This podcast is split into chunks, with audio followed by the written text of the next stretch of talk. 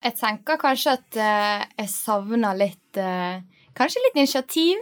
Kanskje litt uh, den at Jeg tror i hvert fall mange jenter leiter eller venter litt på den På den hvite hesten? ja, nettopp. Den mannen på den hvite hesten, eller hva det er. Prinsen, eller hva det er. Men ja, jeg har nok en litt sånn på en måte Liker veldig godt den gentleman, ordentlige mannen, da. som som mange gjerne vil ha. Jeg tror det er flere jenter som på en måte jeg håper jeg venter på den enn de kanskje vil innrømme.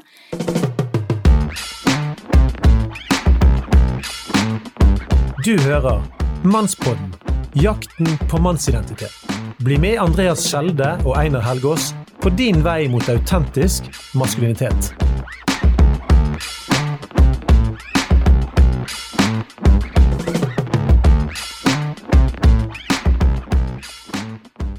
Velkommen til andre episode av Mannspodden Jakten på mannsidentitet. Dette er programleder Andrea Kjelde, og ved min side mannsguide Einar Helgaas. Vi fant ut at vi ville invitere inn tre unge kvinner til å uttale seg om hvordan går det med den norske mannen. Og det er før gutter får si sin mening om saken. Damene først.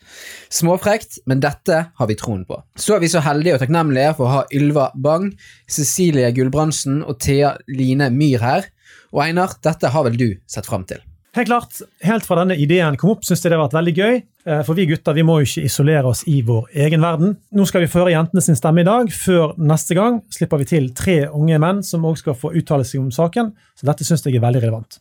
Men da skal vi bli litt mer bedre kjent med dagens gjester. Så da begynner vi med deg, Ylva. Kan ikke du fortelle litt om hvor du kommer fra, studier, menighet og en liten fun fact? Ja, veldig kjekt. Du, akkurat nå så jobber jeg for KrF eh, her på Vestlandet, men jeg er egentlig midt i en bachelor på teologistudiet eh, på HLT. Veldig, veldig fint. Ellers så, eh, ja Jeg er glad i natur og går mye i fjellet, og jeg er også veldig engasjert i tabernaklet her i Bergen, som er, ja, der har jeg gått i tre år nå, og er veldig glad i kirken min. Eh, ellers, en fun fact, det er Jeg har faktisk blitt bitt av huggorm som to ganger i livet. Så det, ja det føler jeg sikkert. Det er heftig. yes. Mm. Og da skal vi bli litt bedre kjent med Celine. Hei. Jeg heter ja, Celine. Jeg er 21 år, kommer ifra Asker. Jeg liker å være med venner, veldig glad i kirke. Går i Salt i Bergen. Um, og en fun fact om meg er at jeg har faktisk vært med på TV det er mange som har vært med på TV, men jeg har vært med på et program som heter Oppgrader. Hvor eh, min familie var med og på en måte, Ja, vi eh, ga ting som vi eh, betta på. Og ja Sa at vi satser alt med dette kameraet. At vi klarer å svare på alle spørsmålene dere har, så vi kan få et bedre kamera. Rett og slett. Fikk dere et bedre kamera? Eller? Vi fikk et bedre kamera. Kom an, kom an. Yes. Og da skal vi òg bli litt bedre kjent med deg, Thea. Yes. Um, jeg kommer fra Garnes. Det er rett uh, utenfor Bergen. Um, der har jeg uh, Ja, der bor min familie og uh, vokste opp utenfor Bergen. nå studerer jeg sammenlignende politikk, eller statsvitenskap, på universitetet. Og så utenom det så jobber jeg på McDonald's og er litt aktiv i politikk og litt diverse. Eh, en fun fact om meg det er faktisk at jeg har hoppet over eh, syvende klasse. Um, så eh, jeg eh, Så du er litt smartere enn oss andre her. Men det, ja, det er bra. kanskje det. yes. Nei, men først av alt, tusen takk for at dere er med i dag. Det setter vi utrolig stor pris på. Og i dag så skal vi dykke ned i en veldig stor tematikk. Vi har kalt podden for 'Hvordan går det med den norske mannen?' Og sånn som vi har tenkt det, så skal vi ha en samtale. Vi ønsker ikke en debatt sånn som på NRK, ikke sant, Einar? Stemmer. Ja. Og da bare hopper vi i det. Så Ylva, hvordan synes du det går med den norske mannen? Jeg synes det er et spennende spørsmål, altså. Fordi det er jo noe jeg ikke har så veldig kjennskap til, fordi at jeg ikke er en mann selv. Men eh, sånn fra utsiden så ser jo det veldig bra ut, på en måte. Det, det virker som dere har, eh, har, det på stell på utsiden, og så vet man liksom ikke alltid hva som foregår på innsiden. Så det Ja, overflaten er jo på en måte fin og flott og hyggelig, men så er det jo spennende å se hvor eh, hva som skjer på den andre siden, da. Og så er det Celine. Hvordan synes du det går med den norske mannen?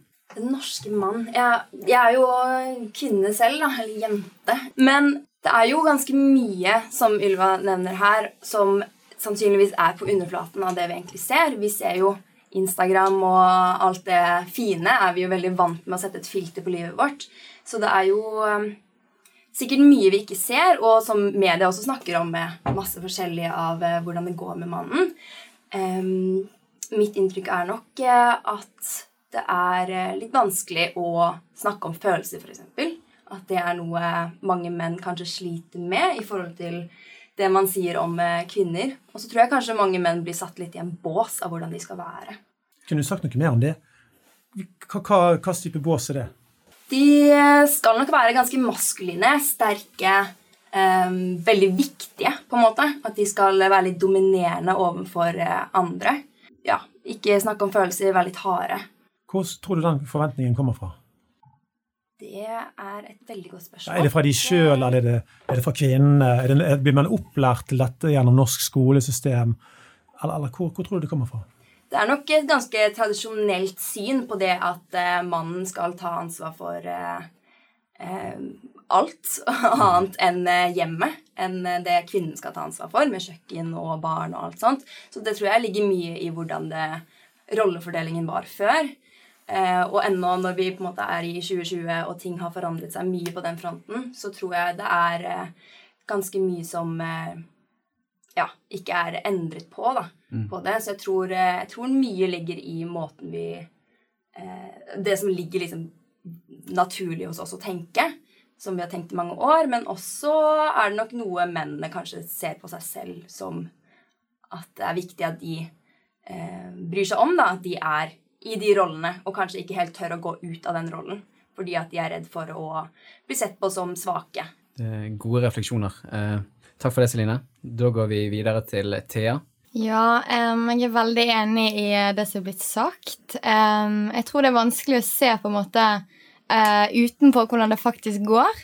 Men jeg tror at uh, hvis vi ser på sånn altså statistikk sant, uh, på menn, så er det jo de som topper topper eh, alle av selvmordsstatistikk, eh, sant, og eh, mange eh, Mye flere menn som eh, dropper ut av skolen, f.eks. Så det er jo kanskje en indikator på at det er noe litt underliggende her, da, som eh, Celine var litt borti. Og at det kanskje ikke går så fint som man gjerne tror, da, eller vil tro. Men én ting er jo det som du leser i statistikker eller mm. ser i artikler som kommer opp. ikke sant? Men, men, sånn som du, du er en aktiv eh, ung dame som har mye nettverk. Eh, mm. Kommer det fram ting i samtaler? Merker du noe trekk i, i eh, guttekulturen rundt deg? Jeg personlig gjør egentlig ikke det, tror jeg.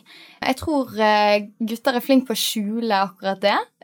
Hvis, hvis jeg har gutter rundt meg som sliter, um, så tror ikke jeg jeg er den første som får vite det. Og jeg tror det er vanskelig. Jeg tror egentlig man skal grave ganske mye for å på en måte komme på en måte inn på en gutt som vil åpne seg om at han eh, sliter. Fordi det kanskje, kanskje er litt tabubelagt, da. Um, og litt svakhet å uh, innrømme at man, man kanskje har det litt tøffere enn det ser ut som kanskje. Mm. Jeg skal si det at I Alaska der sies det at for at en mann skal åpne seg og for snakke om at det går dårlig i ekteskapet, mm. så må, man ha vært i villmarken i et halvt år og, og slaktet bjørn og, og, og, sovet ute. og sånn. Endelig til slutt åpner de seg. Ja. så lykke til. Ja, ja, du må dra til villmarken. Nei, men yes. Eh, jeg tenker Det kan òg være nyttig for de som hører på, om dere kan beskrive de unge mennene dere kjenner i dag. Dere trenger selvfølgelig ikke å gi navn, men hvordan vil du beskrive dine venner? Ylva, dine Oi. guttevenner? Det jeg kanskje vil beskrive dem som, er at de er de fleste gutter jeg kjenner, er liksom, de er litt artige, de er litt frampå. Jeg føler det er liksom stereotypien, da, at man kanskje som gutt må være det. At man må være litt gøy, du skal være klovn i rommet, eller så skal du være den smarte i rommet. At du på en måte har ulike hatter, og så må du velge en av hattene, da. Eh, men det er liksom typisk det, og spesielt i kirke, føler jeg. At det er litt sånn der eh, Du skal du har vokst opp i ungdomsarbeidet, og der eh, blir du satt på scenen i to, eh, liksom, ung alder og skal være, være, litt ung og gøy. Eh, og skal liksom underholde før talen kommer, eller et eller annet. Og at du på en måte ja, har litt den, den rollen. Altså jeg føler Kanskje det er det første inntrykket jeg har av gutter rundt meg. At det er den derre Du skal være litt frampå, litt gøy. Og så sånn som Celine sa i sted, at du også er litt sånn derre Du skal være litt maskulin og ikke liksom femi i det å være gøy, da. Du skal ta ledelse, du skal være omgjengelig, på en måte. Så kanskje det er det inntrykket jeg har. Beskriver du egentlig her ganske høy selvtillit altså, hos de unge Ja, mennene? kanskje det, egentlig. At det er liksom Det er viktig å ha høy selvtillit som gutt, da. Og hvis du oppleves usikker, så er det kanskje noe med det òg. At det, ja, du er redd for at det er uattraktivt, eller at man Ja, man går liksom all in or nothing, på en måte. At det, ja. Ja, høy selvtillit tror jeg er liksom det som går igjen, og jeg vet jo ikke om det er liksom ekte selvtillit eller fake selvtillit, men jeg tror, jeg. Jeg tror det er liksom det man ser på overflatene. Du da, Celine? Hvordan vil du beskrive dine, unge, eller dine unge guttevenner? Jeg tror det, jeg kjenner veldig mange målbevisste gutter som er veldig opptatt av at de har eh, planlagt fremtiden sin. Og det syns jeg er veldig fascinerende hvordan noen har eh, allerede nå begynt å spare til bryllupet sitt, f.eks., eller til barna sine. Det syns jeg er veldig fascinerende. Eh, men jeg kjenner også den typen som ikke aner hvilket studie de skal inn på, som har eh, grublet over det i alle år og heller tar en jobb i mellomtiden eller ikke en jobb i det hele tatt, og fortsatt eh, bor hos mor. Så det er veldig stort spenn i de type gutter jeg kjenner, i hvert fall. Du da, Thea, hvordan vil du beskrive de du kjenner? Em, jeg eh, er nok samme litt sånn som uh, Celine merker litt det spennet, da. Uh, det er litt veldig enten-eller. Uh, det er noen som er veldig um, frampå, sånn som Ylva sier, og har ambisjoner og leder og gjør på en måte store ting, da. Og kanskje er litt den derre mest stereotypien som man gjerne snakker om. Eh, men jeg opplever kanskje at det er flere i andre enden eh, i min krets som kanskje er mer eh, Kanskje passiv, eh, kanskje Ja, litt sånn forvirret, eller de vet ikke helt hva de skal med livet sitt, og de eh, Ja, gjør kanskje ikke så eh, veldig mye av det man kanskje eh, tenker da når man beskriver på den på en måte den typiske mannen som man, som man gjerne vil ha, da, eller beskriver. Mm. Gode refleksjoner. Eh, Så er det noe dere savner fra unge menn i dag?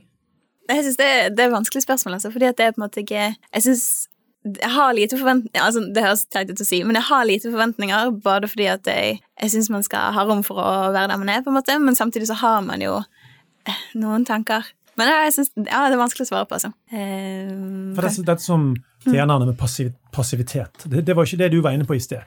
Det er ikke sånn at du lengter etter at gutter skal være mer frampå, for du er tydeligvis i et miljø der det er mange som er frampå, for eksempel. Ja, definitivt. Og jeg, jeg kjenner jo absolutt eh, godt igjen det spennet som de nevner, at man ser jo at man er ulike, og at det er ulike roller der, da. Men eh, jeg vet ikke hva dere tenker. Eh, jeg tenker kanskje at eh, jeg savner litt eh, Kanskje litt initiativ. Kanskje litt eh, den at eh, Jeg tror i hvert fall mange jenter leiter eller venter litt på den På den hvite hesten. Ja, nettopp! Den eh, mannen på den hvite hesten, eller hva det er. Prinsen, eller hva det er. Men eh, ja, jeg har nok en litt sånn På en måte Liker veldig godt den gentleman, eh, ordentlige mannen, mannen, da. Som, som mange gjerne vil ha. Jeg tror det er flere jenter som på en måte jeg håper jeg venter på den enn de kanskje vil innrømme. Så i den så er det jo mye på en måte initiativ det går på, og eh, litt sånn ledertyper. Um, og selvfølgelig kjenner jeg en del sånne. Men det er mer unntaket da, enn kanskje normalen. Ja, kanskje jeg savner litt, eh, litt initiativ. Du, jeg vil bare utfordre litt på den der, da. Eh, For jeg har hørt Vært i litt forskjellige menigheter og hørt liksom veldig store lister, da. Ja. Krav der de beskriver at han må være leder, han må være kjekk, og han må være like åndelig som en pastor på 50 år. Kan det være at av og til forventningene er litt høye? Du, det kan godt hende. Eh, det kan godt hende. Jeg har eh, høye standarder og høye krav. Men eh, jeg tror det er litt sånn Jeg har i hvert fall lest at det, det er litt typisk jenter, da. eh, å se etter en mann i, med høyere sosial status enn seg selv, da. Og kanskje Ja, som er kommet hakket lenger enn en selv. Og det tror jeg jeg personlig, helt ærlig, ser etter. Og som sagt så er jeg jo på en måte Jeg er jo engasjert og aktiv eh, i diverse. Du må på en måte kanskje være på mitt nivå eller høyere i på en måte ting man, man driver med og er engasjert i for at jeg først skal bli interessert. da. Og det er ikke noe negativt mot de guttene som ikke velger det, eh, men det er på en måte sier kanskje litt om de kravene eh, som jeg har, da, som jeg er ærlig med at jeg har, eh, og som kanskje mange andre jenter også har. Eh, men jeg tror det er litt sånn ubevisst at ok, jeg har lyst på en som jeg kan strekke meg etter, og som jeg kan følge, og som oi, har gjort enda mer enn meg, eh, og som eh, brenner mer enn meg for dette, og som Sant? Eh, men så eh, ja, er det kanskje ikke så mange av de, og jeg kan godt ta litt saltkritikk for det å være litt for kritisk eller litt for, litt for kresen, kanskje. Ja, spennende. Det jeg tenker da, eller jeg opplever nesten at det går begge veier. At, eller iallfall i miljøet jeg står i, da, at det er litt sånn at begge, eller begge parter stiller høye forventninger til hverandre. Og at det er litt sånn vi går rundt i miljøer med så mange flotte mennesker, både jenter og gutter, og så går man egentlig og leter etter Jesus, på en måte. At det er litt sånn ja, at man er ute etter den perfekte, og så tør man ikke gå på noen før man har sett den, da. Og, og det er liksom kritikk til både jenter og gutter, egentlig, at man ikke tør å satse på det, da. Vi stiller for høye forventninger fordi at vi leter etter den som skal ja, stabilisere oss, da, egentlig. Og så, ja, så tør man ikke satse på noe, fordi at man um, vil at det skal være perfekt først. Men jeg må stille et spørsmål der. For de guttene som hører på, syns du dette sannsynligvis er veldig spennende å høre når dere snakker om de. Når du sier 'stabilisere oss', hva mener du med det, Ylva? Eh, Med stabilisering Jeg tenker egentlig at det går på den derre eh, Vi leter etter en som skal bygge oss sko. Eh, litt som om man er en halv person. Og så skal man liksom etablere hverandre, og så skal man gå sammen og bli ett. på en måte. Og jeg har veldig troen på den tankegangen om at man blir ett, men som hele individer, da. Og eh, jeg synes det er veldig morsomt, men det har gått sånne bilder rundt på Facebook hvor man ser liksom eh, to halve avokadoer som eh, Der det står liksom under 'You complete me'. Og, eh, og jeg syns det, er helt absurd tankegang. For jeg, jeg ser på meg som en hel avokado, og jeg tenker liksom Og jeg tenker alle andre liksom hele avokadoer. da At vi er liksom fullverdige individer, liksom en helhetlig tanke. da Og så eh, glemmer man litt det i leten etter den andre parten. da Og liksom både hos jenter og gutter. Fordi at man eh, Heller man tenker liksom at den skal eh, complete meg, på en måte. Her merker jeg at vi treffer en nerve, men vi kommer til å snakke om dating litt seinere, så jeg tror vi må bevege oss videre. Eh, når det kommer til maskulinitet, eh, hvordan vil dere eh, beskrive det? Ja, eh, maskulinitet for meg, eh, det tror jeg kanskje går hovedsakelig kanskje på eh, på det å være trofast, det å være stabil, det å være stødig, sterk. Eh, en som tar initiativ, en som beskytter, eh, en som forsørger. Eh, sånne type ting eh, tror jeg jeg tenker på når jeg tenker på maskulinitet. Ja, kult. Jeg syns det er gøy at du sier det, fordi jeg føler vi ofte liksom opplever at det er Eller jeg føler nesten at jenter blir liksom prakket på den tankegangen om at maskulinitet er, er at du er større enn oss, liksom høyere og liksom større muskler, og at man Og det å være maskulin er at du liksom fikser på biler og liksom hele den stereotypien der, da. Men jeg er veldig enig i det Thea sier om at vi er egentlig Det jeg tenker på som maskulint, er jo det å kunne ta initiativ, og det å kunne er liksom være stabil, da. Det er jo liksom det jeg tenker på som maskulint. Og eh, det er det jeg mener når man har Eller det jeg føler det jenter mener, da, når man sier at man har lyst på en, en maskulin gutt, er at man egentlig har lyst på den stabiliteten det er, da. Jeg tror også det er, han, For min del så er det litt med å ta ansvar, egentlig. Å ta det ansvaret som kreves uh, i enkelte situasjoner, men også i sitt eget liv. Det å ta ansvar for uh, økonomi og ja, forskjellige aspekter med livet, egentlig. Det med økonomi, hvorfor eh, er det viktig for deg? Det er nok uh, bare noe jeg fort tenker på å ta ansvar for. At det er en stor del av livet. En eh, viktig eh, faktor vi har som vi eh, Som gjør fort at hvis du ikke har styr på den, så har du på en måte ikke helt styr på livet ditt. Så det kan godt hende at det bare er min måte å tenke ansvar på, men det kan godt hende at jeg også fort tenker at det er mannen som forsørger. At jeg kan fort komme inn i den tankegangen at de skal ha ansvar for økonomien. Selv om jeg vet ikke helt om jeg mener det. Men det er nok fort en, ja, mm. en fordom som jeg kanskje har liggende hos meg. da.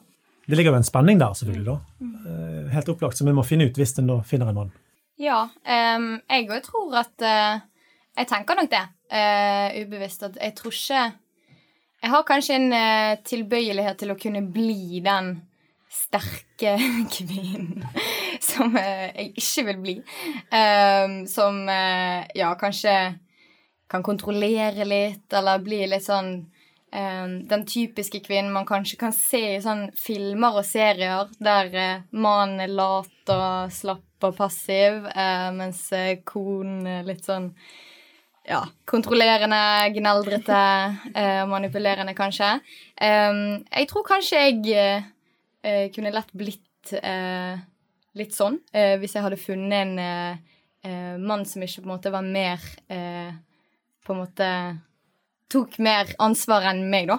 Um, og jeg tror kanskje det er litt derfor jeg ser at det er noen som er på en måte litt Ja, kanskje bare mer maskulin, da, enn meg.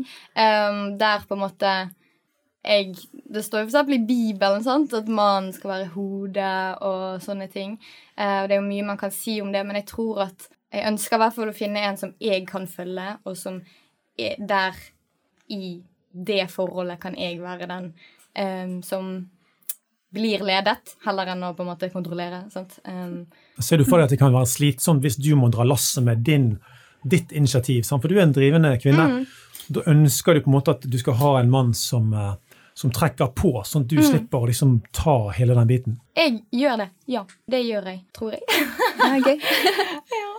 Men en annen vinkel er jo altså, sånn når det nevnes økonomi, sant? forsørger. Eh, Uten at dere har sagt det, nå bare spør jeg for jeg er nysgjerrig fra mannens side, kan det hende at det ligger under noe her på at ja, men hvis du da blir mor, eh, ønsker du da at en, en Kan det være at en av grunnene til at du ønsker at han skal trekke, er at skal du klare å omfavne det barnet, så kan ikke du trekke over hele linjen, liksom? Det kan godt hende. Det syns jeg gir veldig mening og høres logisk ut. Um, for ja, hvis jeg en gang får barn, så um, hadde jo det sikkert vært veldig deilig å slippe den på en måte byrden når man da har et uh, lite barn. ja. Jeg synes det er veldig spennende, altså, fordi det Thea sier med liksom det bibelske konseptet av liksom at mannen skal være hodet, tenker jeg kan se så ulikt ut i liksom ulike relasjoner. da. Og det, det syns jeg er viktig å ta inn at for min del er jeg håpløs på økonomi, så det håper jeg liksom den andre kan liksom ta, da, eller at liksom min fremtidige mann kan Eller jeg går på det, bare fordi at da utjevner vi hverandre. Men jeg tenker at man kan være hodet på så veldig mange måter, da. At det er litt sånn eh, At man er maskulin, eller at man er tar liksom lederrollen på så ulikt, sånn som man ser også i samfunnet, at man, når man har en lederstilling, så representerer det liksom veldig mange typer folk, da. Og det tenker jeg går inn i liksom familiedynamikken også. Og eh, at man kan lede ulikt, at det betyr ikke at du liksom skal være, være ute og fikse på huset og bilen, på en måte, men at du også kan stå som leder på kjøkkenet som mann, liksom. Og at det går begge veier. Men at du, ja, du er fortsatt hodet i familien. Du virket eh, på meg som du, Celine, hadde lyst til å si noe mens vi hadde en litt sånn eh, Mens de andre snakket. Nei, altså jeg syns det er en veldig spennende hvordan man liksom skal ha dynamikken i forholdet da, når vi snakker om familie. Ehm, jeg har vokst opp med en far som har eh, laget maten. Alltid. Mamma er flink til å lage mat, hun òg, men pappa lager liksom de ekstra gode rettene. Um, og også vaske klær og har vært veldig opptatt av det. Men han har også vært den som har klippet gresset, stort sett. Og um, fikset ting ute hvis det er noe. Så jeg har fått sett begge rollene, og mamma også er ganske handy. Og det synes jeg har vært eh, gøy. Så jeg syns at det viktigste i sånne type ting er det å se, sånn som Ylva sier, at hun er ikke god med økonomi. Det er ikke jeg heller. Så jeg håper at mannen min tar den delen. Men jeg er flink på andre ting og kan eh, få til mye som jeg også tror kanskje er litt sånn tildelt mannen i gåseøynene. Eh, at jeg tror at jeg også kan bidra der. Så jeg tror mye ligger i at det er en eh, ting man blir enige om, da. på en måte. Et eksempel, jeg tror det er veldig få kvinner som skifter eh, dekk på bilen. Så syns dere det er greit at på en måte mannen tar den biten, eller er det sånn, bør, alle, bør vi dele likt her? Jeg tenker eh, Det er jo en ting jeg ikke kan, fordi at jeg bare har ikke lært det. på en måte, Men jeg tenker jo at eh, Så jeg er jo litt enig. Det hadde vært sykt digg om han bare tok det hver, hver gang dekkene skulle skiftes. liksom. Men uh, om han hater det, så er jeg villig til å lære det, liksom. Uh, på den måten, da, hvis man kan si det sånn. At uh, da kan man rullere, men Med mindre du lar verkstedet gjøre det. Ja, eller Det syns jeg er en god løsning. Men dette, dette med hodet, det er flere, flere av dere har nevnt dette med hodet. Og det høres egentlig ut som dere beskriver et eh, område som, altså det, At dere ikke har et problem med det. Men Blir dere provosert av noe av det som står i Bibelen i forhold til f.eks. For det med hodet? Eller dere, føler dere at dere har knekt litt hva det kan bety? Jeg kjenner jeg nesten blir litt provosert når jeg leser det. At jeg kjenner det utfordrer meg virkelig mye. Og i det siste har jeg faktisk fått veldig øynene opp for å eh, litt eh, Nei, dykke litt dypere inn i akkurat den tematikken der. Fordi jeg er en jente som ser for meg at jeg kommer til å eh, være i kirke hele livet. Og trigges veldig av det å være en leder i kirke. Og hvis jeg skal på en måte begrenses i noen måte fordi at jeg er en jente, f.eks., også i ekteskapet, så kjenner jeg at det blir litt sånn Hva er det som egentlig dette betyr? Og er jeg da formet av hvordan vi ser på feminisme i 2020? Eller er det faktisk Hva er det egentlig Bibelen mener når de sier det her? Jeg er fortsatt i en prosess av å finne ut av hva jeg tenker, så jeg har ikke et, eh, en konklusjon akkurat nå. Men eh, jeg syns det er veldig spennende å se det at noen mener at hodet betyr at mannen skal dominere og at har siste ord i alt. Mens andre mener at det ikke er tilfellet i det hele tatt. At det er eh, at mannen kanskje bare har et behov for det, eller at det er egentlig det Bibelen mener er at det er likestilt, og ja, at det er litt forskjellig, da. Så jeg eh, jobber med saken og finner ut av hva jeg tenker, egentlig. Mm. Så nevn én ting, da. for dette her, Nå skal ikke vi ta den fulle teologiske debatten i dag, men nå er vi inne på det, så vi må ta litt om det. Nemlig at eh, sånn som jeg ser særlig Efeserbrevet 4, når den snakker om disse tingene om å underordne seg hverandre, så ser jeg egentlig Jesus i den mannen som beskrives. da. Og det er en mann som ofrer seg sjøl for familien, for konen. På en sånn måte at jeg tenker jeg klarer ikke se at en kvinne skal være redd for den mannen som ønsker å være en mann som Jesus er, og som tar gjerne ansvar også på noen områder som dere for så vidt selv har beskrevet. at ja, men 'Jeg har ikke lyst til å ta ansvar på alle områder. Kan ikke han ta noe?' Og så er det kanskje veldig naturlig at han gjør det. Altså, er, det er det en måte å snakke på som uh, skaper noen tanker hos dere? Jeg syns det er kjempeinteressant, bare fordi det står jo også at mannen skal gi sitt liv for kvinnen som Jesus ha sitt liv for kirken. Og i det så ligger det et stort ansvar. Og det, ja, det beundrer jeg veldig. Og det, er jo sikkert utfordringer med det også for å være mann og skulle være det ansvaret. Men det gjør jo også at han skal sette kvinnen først da, i valgene han tar. Og på den måten så føler jeg at min, mine behov er dekket. da. Og det har jeg veldig tillit til. Og så kommer det an på hvilken fyr jeg velger, og hvordan han velger det, da. Men mm. jeg synes i, den, i det første brevet sier, så syns jeg det er en god balanse. Eh, og jeg føler ikke meg dominert av noe som står der. Mm. Selv om jeg på en måte også, sånn som Celine sier, er jo liksom i en prosess for å finne ut hva det vil si for mitt liv. på en måte. Mm. Jeg får lyst til å kaste inn én ting til, Andreas. Nå er vi, nå er vi skikkelig inne i tingene her. Dette, dette, er gøy. Nemlig at um, det er et begrep som, som, heter the whisky indian. Dere husker jo hva som skjedde med, med, med indianerne i USA.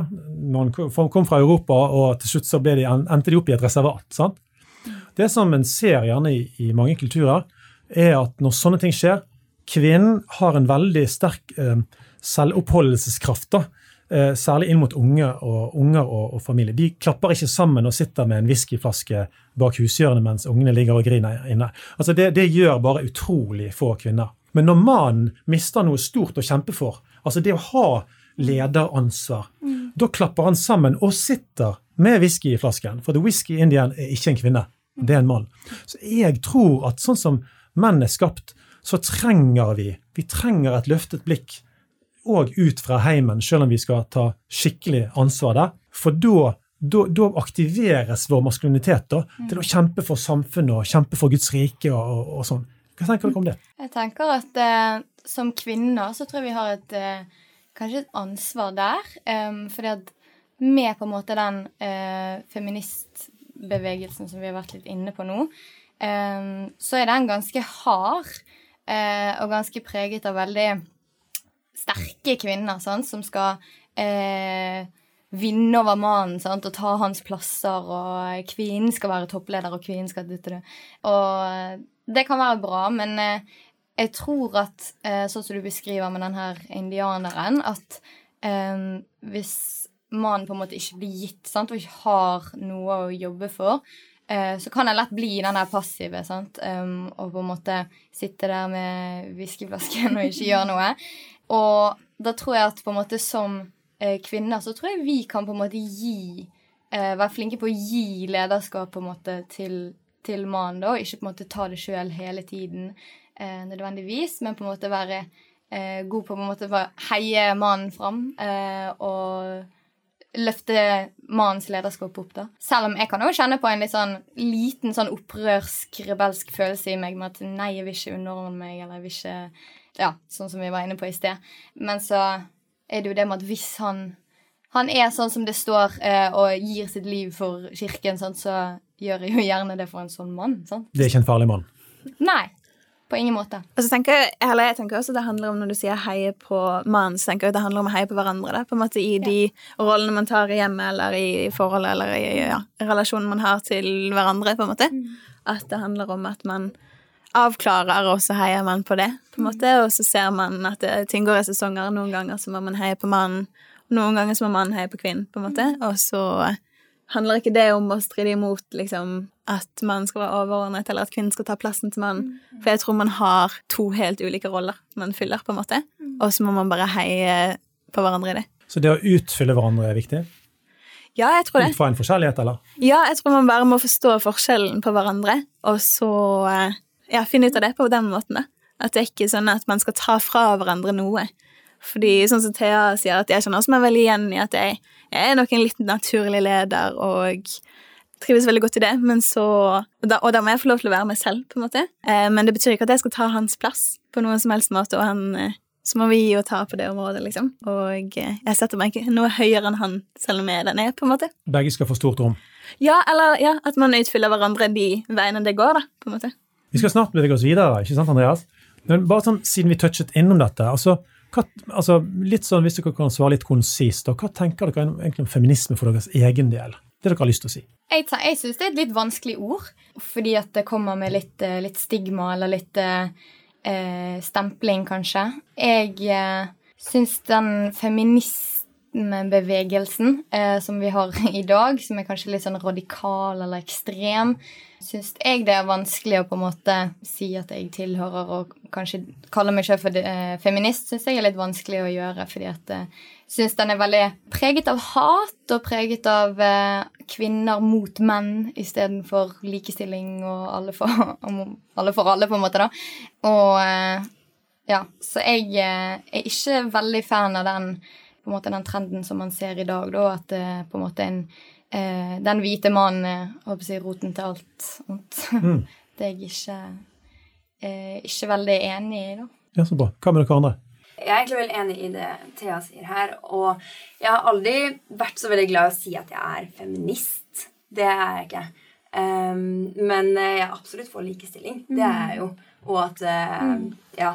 Men eh, jeg syns Jeg husker jeg ble spurt om det en gang på ungdomsskolen av en eh, gutt som spurte er, Du er vel ikke feminist? Det var litt sånn, Han la jo ordene i munnen min. Mm. Den gangen skjønte jeg ikke helt hva det betyr. og Jeg bare sånn, nei, nei, nei, nei, nei, nei, nei.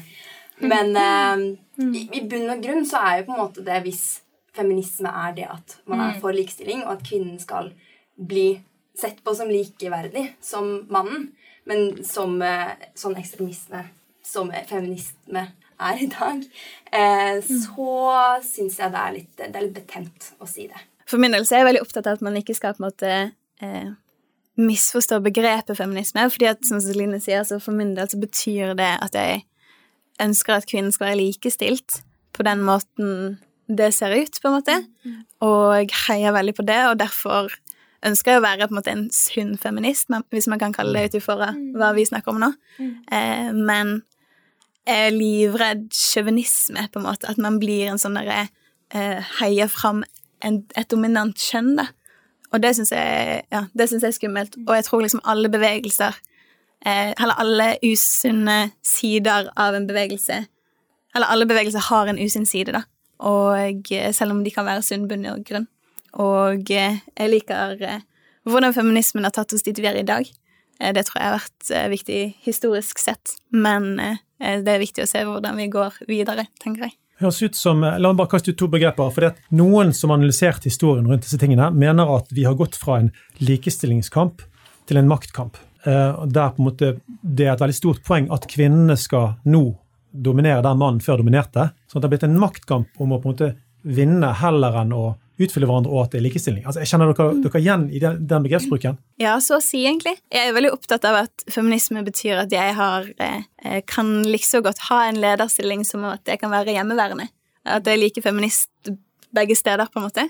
Men jeg skjønner veldig godt hva, hva du prøver å si, og jeg kjenner meg veldig igjen i det på den måten at jeg føler når man ser samfunnet i dag, heier frem feminisme, så heier man frem jenter i dress som står som liksom eh, tydelige ledere i, ikledd som menn, da. Og det, det syns jeg blir feil, egentlig. Du beskriver en fri kvinne, sånn som jeg hører det. Du, Jeg skal kaste inn et, et sitat her fra en eh, person som heter Deborah Lake, eh, fra en bok som heter Warm Boys, Is he a wimp or isn't he? Spennende sak. Og det sier hun Ten years ago we were complaining that men all feel this need to perform this macho role, and they think they've got to be strong, they can't cry. Now we've released them from that. We wanted to destroy sex roles, so we destroyed them, and now we're complaining. Altså, sant, Denne machomannen som han hadde før, som ville være sterk og ikke grine, og så da kvinnene da hjulpet mannen til å få kontakt med følelsene sine og slutte med de tingene. Og så sitter vi igjen etter å ha på en måte blitt kvitt kjønnsroller, nesten, og så klager vi allikevel. Har vi gått fra grøft til grøft? Det kan godt hende vi har det. Da tror jeg nesten man må spørre en uh, ung mann om han føler han kan på samme måte som før ta, ha ambisjoner og på en måte ta ansvar. og uh, ja, ikke være i kontakt med følelsene sine. Men hvis det er sånn at man som mann ikke lenger føler at man får lov til å utfolde sin maskulinitet, um, fordi at den kanskje blir sett ned på, um, og fordi at feminine kanskje mer trekk på en måte blir mer prist. Um, mm. At han skal kunne grine, han skal kunne snakke om følelser og sånn. Hvis det blir på en måte viktigere enn det kanskje typisk maskuline trekkene, så tror jeg man har gått til den andre grøften, da. Eh, hvis det ikke er rom for begge deler eh, hos mannen, da. Ja, for da er vi inne i litt dette med skal mannen være myk eller hard? Mm. Mm. Er, det, er, det, en forståelig måte å si det på? Vi har vært inne på litt forskjellige ting, sant? men, men hva, hva, tenker dere? Jeg tenker at Hvis du definerer det sånn, så blir det jo to grøfter. At det blir en myk grøft og en hard grøft. Og så Tenk det kan blandes, da. Ja, ja, men det er jo det. At det på en måte At jeg tenker Jeg heier jo på en gyllen middelvei her, på en måte. At man kan uh, finne ut hvor man selv står, og så får man være myk i et øyeblikk og hard i et annet øyeblikk. på en måte. Jeg er veldig for at man er fri til å finne ut av dette her selv, altså. Vi har jo nevnt navnet Jesus tidligere her. Han grein jo flere ganger. Men han var jo en fullstendig råtass når han jagde ut folk fra tempelplassen som solgte duer der de skulle tilbedt Gud. Altså, Hva tenker dere? Er, det, er det en modell? Ja, altså jeg tenker jo Jesus er et forbilde generelt for alle. Eh, så det er absolutt. Han var jo mann. Ja, han var jo mann. Ja, og på den måten så kan man jo se opp til at han griner her og er tydelig der, på en måte. Og så eh, håper jeg gutta skjønner at de kan være begge deler. Altså, jeg tenker jo at disse to tingene ikke nødvendigvis må stride mot hverandre. Jeg tenker at begge to handler litt om det å være passionate. Det å bry seg om noe. Eh, og det å bry seg om rettferdighet, ikke minst. Det er jo det Jesus gjør her. Enten så er det det at han bruker en litt eh, tydeligere stemme for å få folk til å forstå hva han sier, eller så bruker han følelsene sine for å vise folk at det her er noe jeg virkelig bryr meg om. det her er noe vi må bry oss om. Så jeg føler ikke at det, det nødvendigvis viser at du er hard eller myk. Det viser at du er et menneske som har noe du drives av. da, på en måte. Du, vi, vi, vi, har sett på en artikkel her. Oslo-kvinner vil ha harde menn. De syns menn er blitt for myke og feminine, viser en undersøkelse. Det er ganske høy prosent, faktisk. Her i Bergen, som vi er nå, var det bare 8% som ville ha hardere menn. Hva, hva, Andreas, jeg skjønner ikke den, men, men hva tenker dere? Altså, det er spennende at de, i hovedstaden her vil de ha hardere menn. Ja, det er jo kanskje Jeg tror kanskje man har sett en litt sånn Uh, at pendelen har svunget andre vei, da. Og at uh, det er blitt litt trendy, nesten. Litt inn med på en måte mer femi-menn. Uh, som vet ikke, Som Cezinando, for eksempel. Veldig åpen om at han har gått på ballett og liksom sånne ting. sant? Og sånne forbilder da, som kanskje har gått foran og på en måte vist at man kan være ja, kanskje det er en femi-mann. Han blir ikke sanksjonert for det? Altså, han, det går bra? Ja, han blir nesten prist for det, sant? og han blir eh, på en måte det Det heies litt på, da. Um, og at eh, Nei, at det er kanskje litt inn, da, at uh, mennesker også får lov til å være ja, sensitive og sånne ting. Eh, som jeg tror er bra, til en viss grad, så lenge ikke, så lenge ikke det på en måte undergraver eh, de andre sidene ved en mann. Um, og det må jo være sykt eh, fælt å føle at man ikke kan uttrykke alle følelsene sine, eller ikke eh, få lov til å gråte hvis man vil det. Um, så hvis menn har det sånn, så er jo det fælt. Um, men ja. Jeg vet ikke om man vil ha hardere menn. Jeg føler liksom Det blir så dobbeltmoralsk av oss jenter da, å sitte og si at vi liksom vil ha gutter som kler seg bra og klarer å gråte, samtidig som de går på treningssenteret hver dag og skal være større enn oss. på en måte. At det blir litt sånn, Vi kan ikke få begge deler. Og eh, ja, at, Andreas han er en ganske god kontakt med følelsene sine, men han trener jo. Det må jo gå an å trene og snakke med følelsene sine. Men det står jo her altså en stor andel av kvinnene i undersøkelsen etterspør en hardere mann som tar styring i hjemmet, og så vil de også ha en gentleman som trekker ut stolen. Er det, skjønner dere den?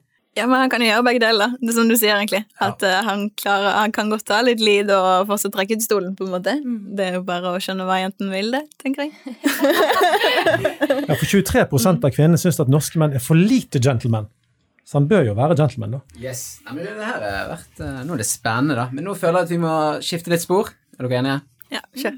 Yes. Så har dere noen gang møtt en ung mann og dere bare sagt 'shit'?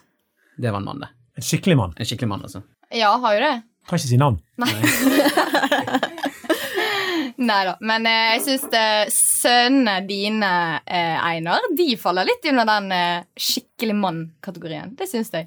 Altså, Så- tusen takk. Creds til, ja, creds til deg for de. Nei da. Men eh, det er jo noen sånne som er, du tenker at wow, du var en mann. Og det vil litt tilbake til de karakteristikkene du ga tidligere. Sånn at det gikk på driv og Ja. initiativ og sånne Det, ting. ja, Ja. det gjør det. Og bare en liten parentes, vi skal gå litt tyngre inn i dette senere i poden. Men eh, hva, er, hva er en mann egentlig? Vi spurte jo dere om hva dere mente om, om maskulinitet. Men the he hormone er jo testosteron. Og det er jo det som gjør at vi har dette, dette behovet for, for initiativ og, og trøkk, eh, og som fort ender opp i at vi vil ha kanskje mer makt enn vi burde streve etter osv. Men, men det er jo det som gjør oss til menn. altså Alt fra skjeggveksten til at vi er, trekker mot det dominerende, som disse gutta i tabben. Så, så, så det sant? Dere andre, har dere noen gang møtt Jeg vet ikke om dere har møtt Helge og sine barn? Ja, men det er jo det. Altså, det er jo flere gutter som faller, eller menn som faller under denne kategorien som mann.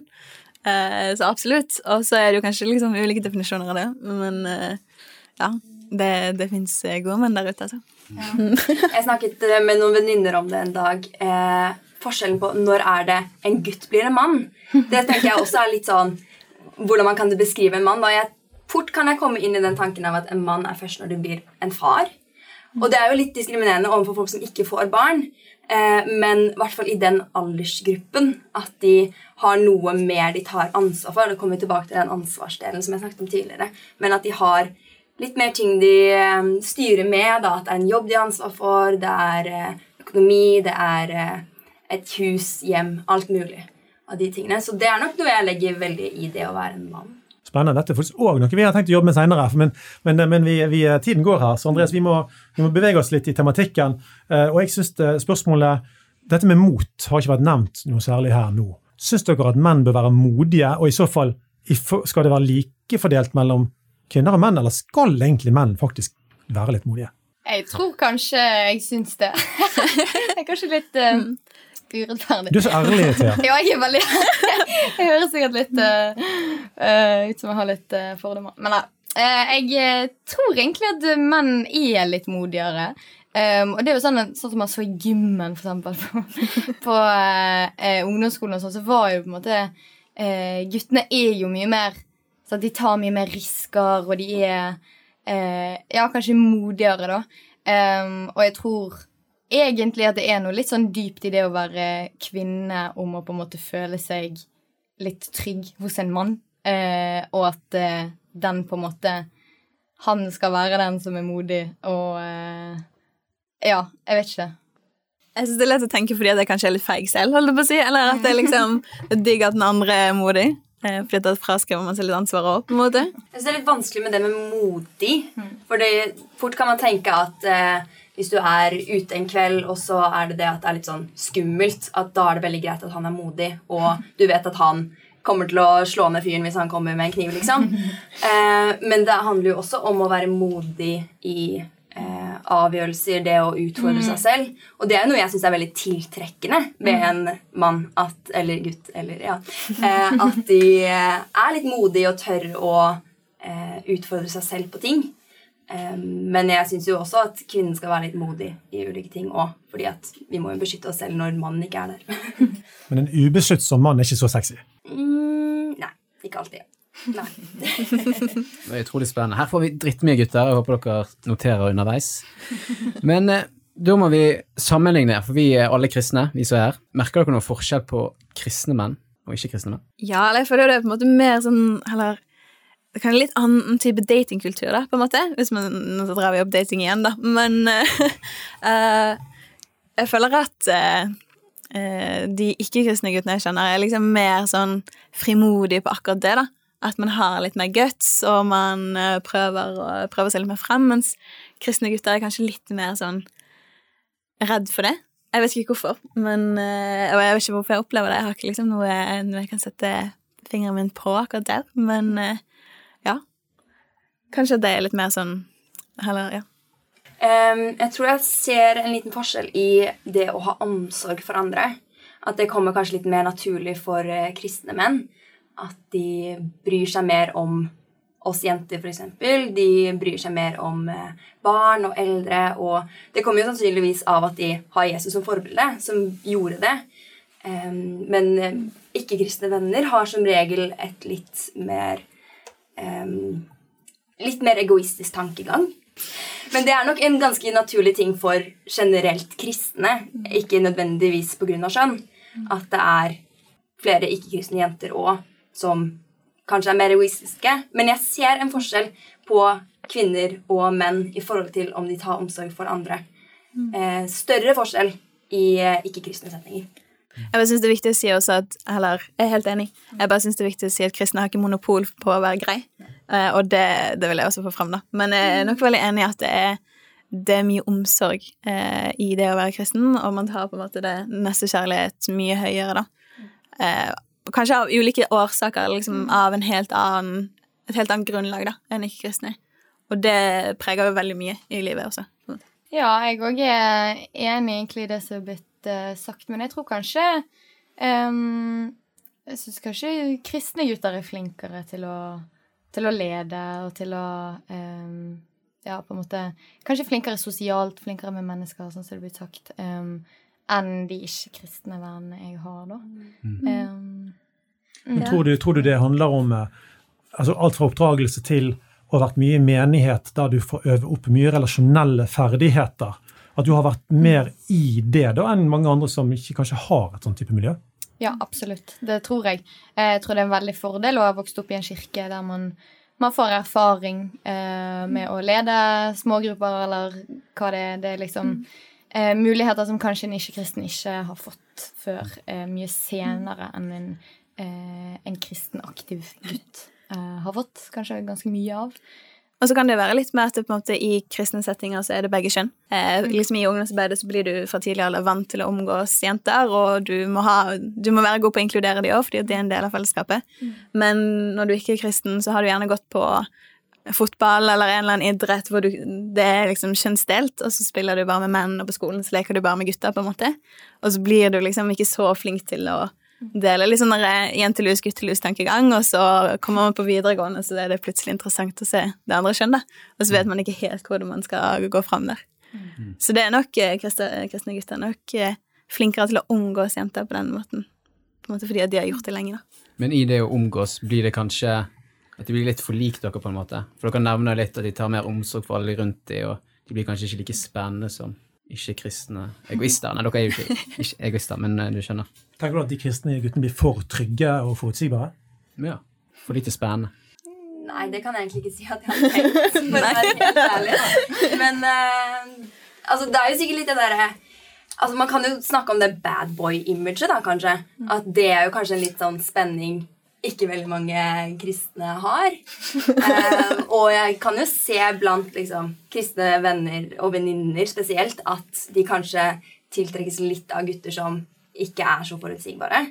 Uh, og jeg har sikkert gjort det, jeg òg. Men uh, i bunn og grunn så tror jeg de fleste kristne jenter ender opp med å ville ha en fyr som er litt forutsigbar, og man, eh, ja, den typisk kristne gutten som vi snakker om. For å si sånn, I går var jeg på bystasjonen, og så sto jeg og observerte en ungdomsgjeng utenfor der. Og Da var det en litt sånn lett jente da, som en av de guttene bare slengte henne rundt og opp, og hun smilte, og det var fullt trøkk. Så akkurat det du beskriver, en sånn uforutsigbar tullegutt. Det virker som hun koste seg i hvert fall. Ja, det kan jo være gøy, det òg. Hvis du bare står der og, og bare er en sånn kjærlig, koselig kristen gutt. Sant? Det, jeg vet ikke. En god blanding, kanskje. Så fint. Du, vi skal, jeg skal lese litt fra en, en annen artikkel som, eh, som vi har sett på. Her står det at stadig flere norske menn er ufrivillig barne- og kjæresteløse. Samtidig tilspisser konkurransen seg for de høyt utdannede damene som jakter på mennene alle vil ha. For det er nemlig høyt utdannede menn. Men hvem er det egentlig mest synd på, spør vi dere om nå. For menn faller bak i høyere utdanning, og kvinner vil jo altså bli sammen med en mann med høyere utdanning enn de sjøl. Dette er komplekst. Hvem skal vi synes synd på, er et interessant spørsmål, men hva skjer? Thea, kan du begynne? Ja, eh, det er jo eh, veldig interessant. Jeg tror jeg var litt inne på det i sted, med det at man eh, kanskje ser etter en som har høyere sosial status enn seg selv, og da også kanskje høyere utdanning. Akkurat med utdanning tror ikke jeg eh, det er noe jeg personlig har tenkt så veldig mye på ennå. Eh, men jeg tror nok jeg, eh, kanskje ubevisst, um, at det er noe jeg uh, ønsker, uh, tipper jeg. Og uh, at det er litt sånn at man Ja, det er kanskje litt typisk at jenter liker de samme guttene. Samme to eller tre guttene i en gjeng vil alle ha. Og alle de andre guttene er det ingen som på en måte går etter. da. Um, som kanskje har litt med sånne ting Kanskje ikke utdanning, men sånne type trekk som vi har vært inne på, da, som kanskje de eh, toppen har. da. Litt Eh, alfagutter òg, kanskje?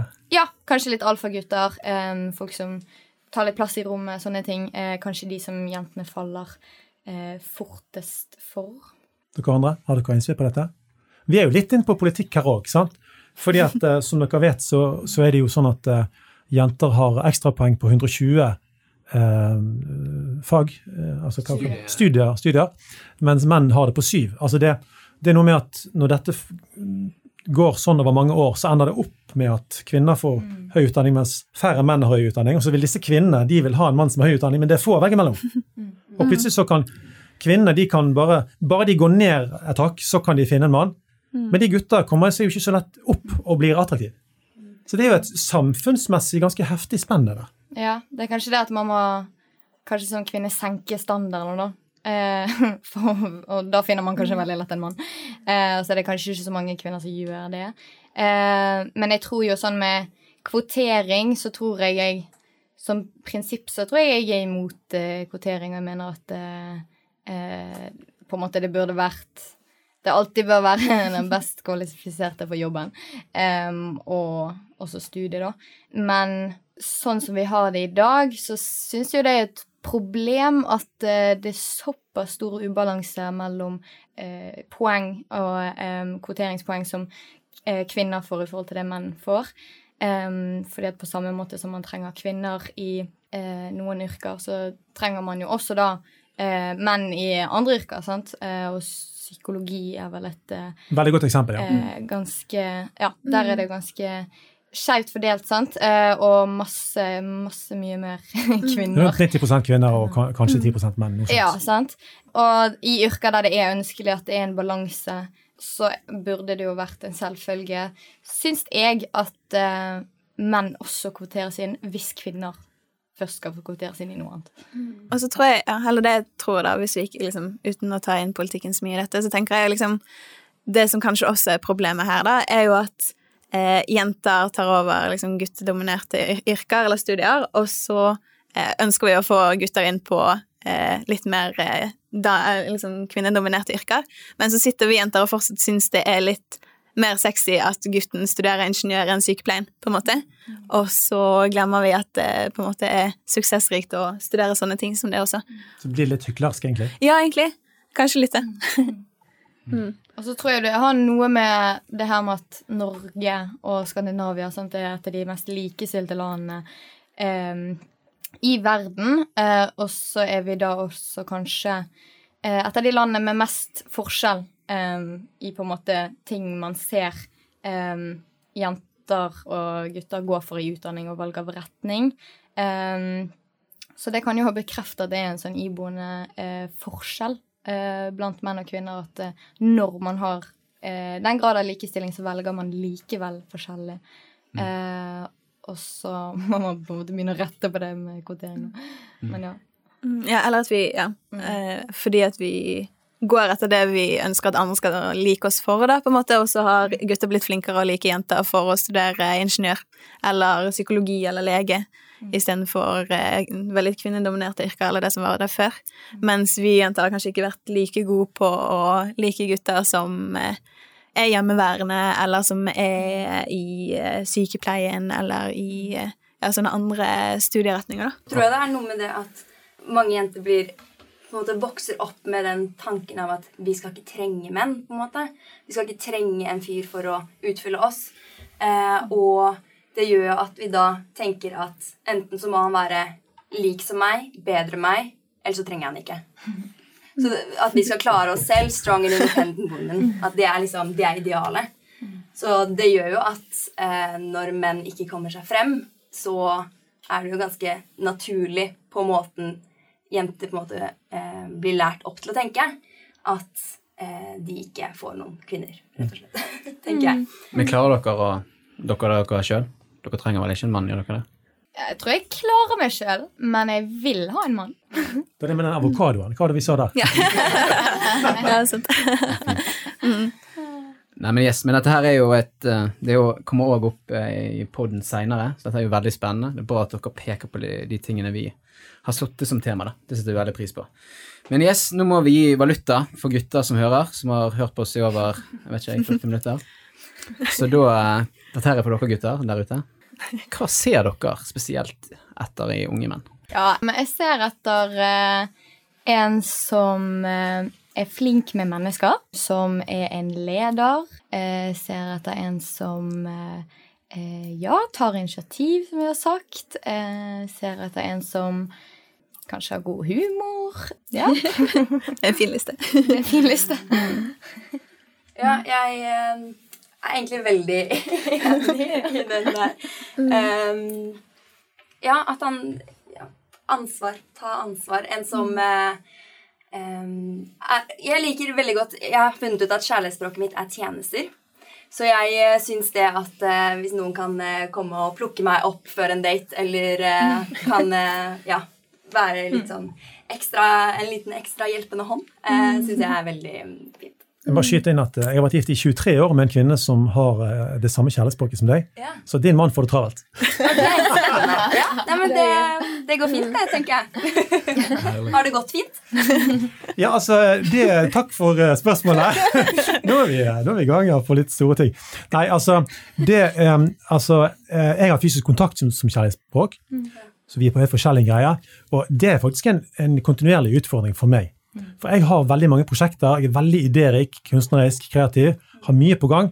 Så hvis jeg mister fokus på å tjene min kone og jeg har fire barn, sant, og gjøre lekser med min yngste datter, f.eks., for eksempel, fordi jeg begynner å sveve opp i eh, planlegging av Mannspodden, eller noe annet, så er det en stor utfordring. Så jeg må jobbe med meg sjøl hele tiden. Så, så, så Celine, du må virkelig eh, sjekke ut han der mannen skikkelig før du eh, bestemmer deg. Ja, jeg skal, jeg skal prøve å senke forventningene mine, kanskje. Er det det som er lurest? Eller Ja, altså, det, Hvis du gifter deg når du er 40, sant? da har du kanskje en ganske ferdig forma mann. Hvis du gifter deg i 20-årene, da er det litt, han litt mer formbar. Så ikke vent for lenge hvis du, hvis, hvis du finner en før, da. ja, da er det er mer sjanse for. eh, Sant? Spennende, spennende. Så hvis dere vil høre på den med Celine og Einar, så kommer den etter hvert. Forhold. Nei, men du, jeg tror vi må gå mot en avslutning. Vi går for en landing. Men jeg tenker vi kan avslutte med en en sånn spørsmål knyttet til det åndelige. da. Føler dere at dere er mer åndelige enn gutter? Det er vanskelig, altså. Nei, jeg tror egentlig ikke det. Eller jeg føler jo kanskje på et større ansvar der enn gutten, av en eller annen grunn. At jeg føler at kanskje, at det er det jeg skal bære i hjemmet, på sett og vis. Ikke at jeg skal lede det nødvendigvis, men at det, det er litt min oppgave å holde troen på en eller annen måte. Og jeg vet ikke hvorfor, men eh, det kjenner jeg litt på.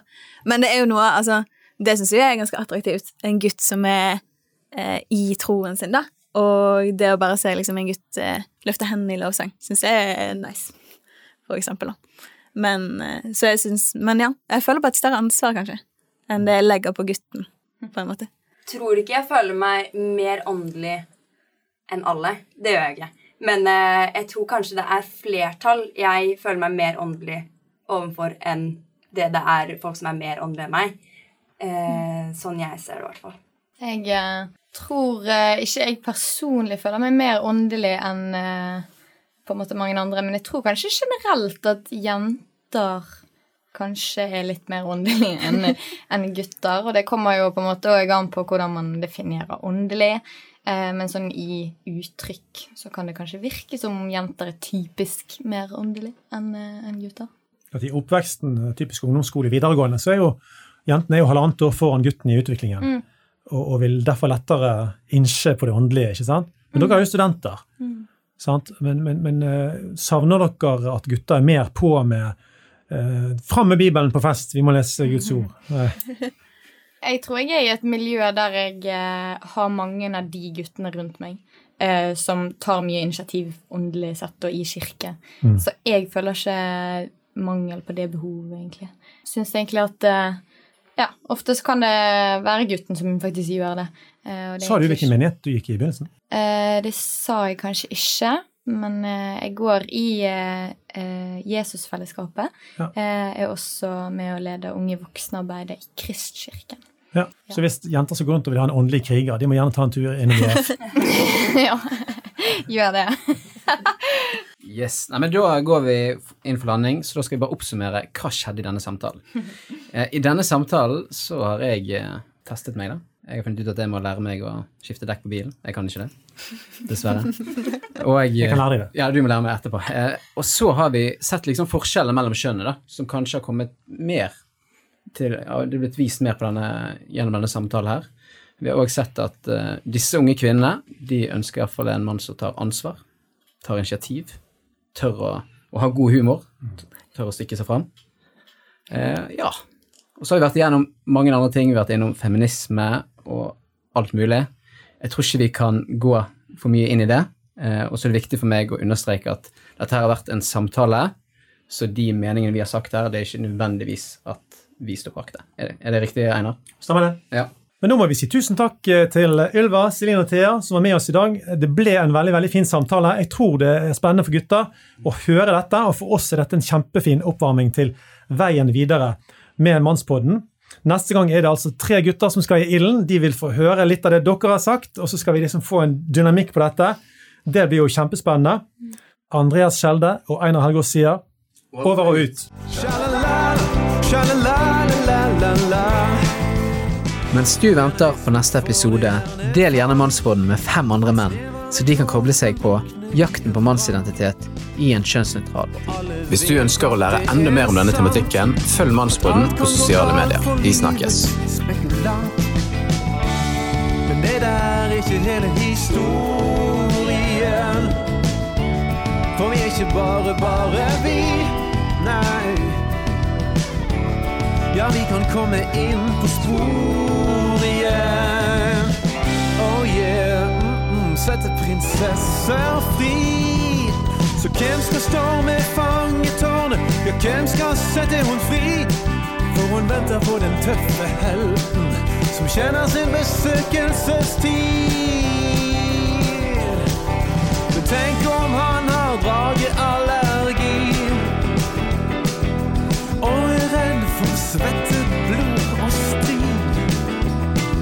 Men tenk om han fornekter dyp magi og gjerne rømmer før et frieri.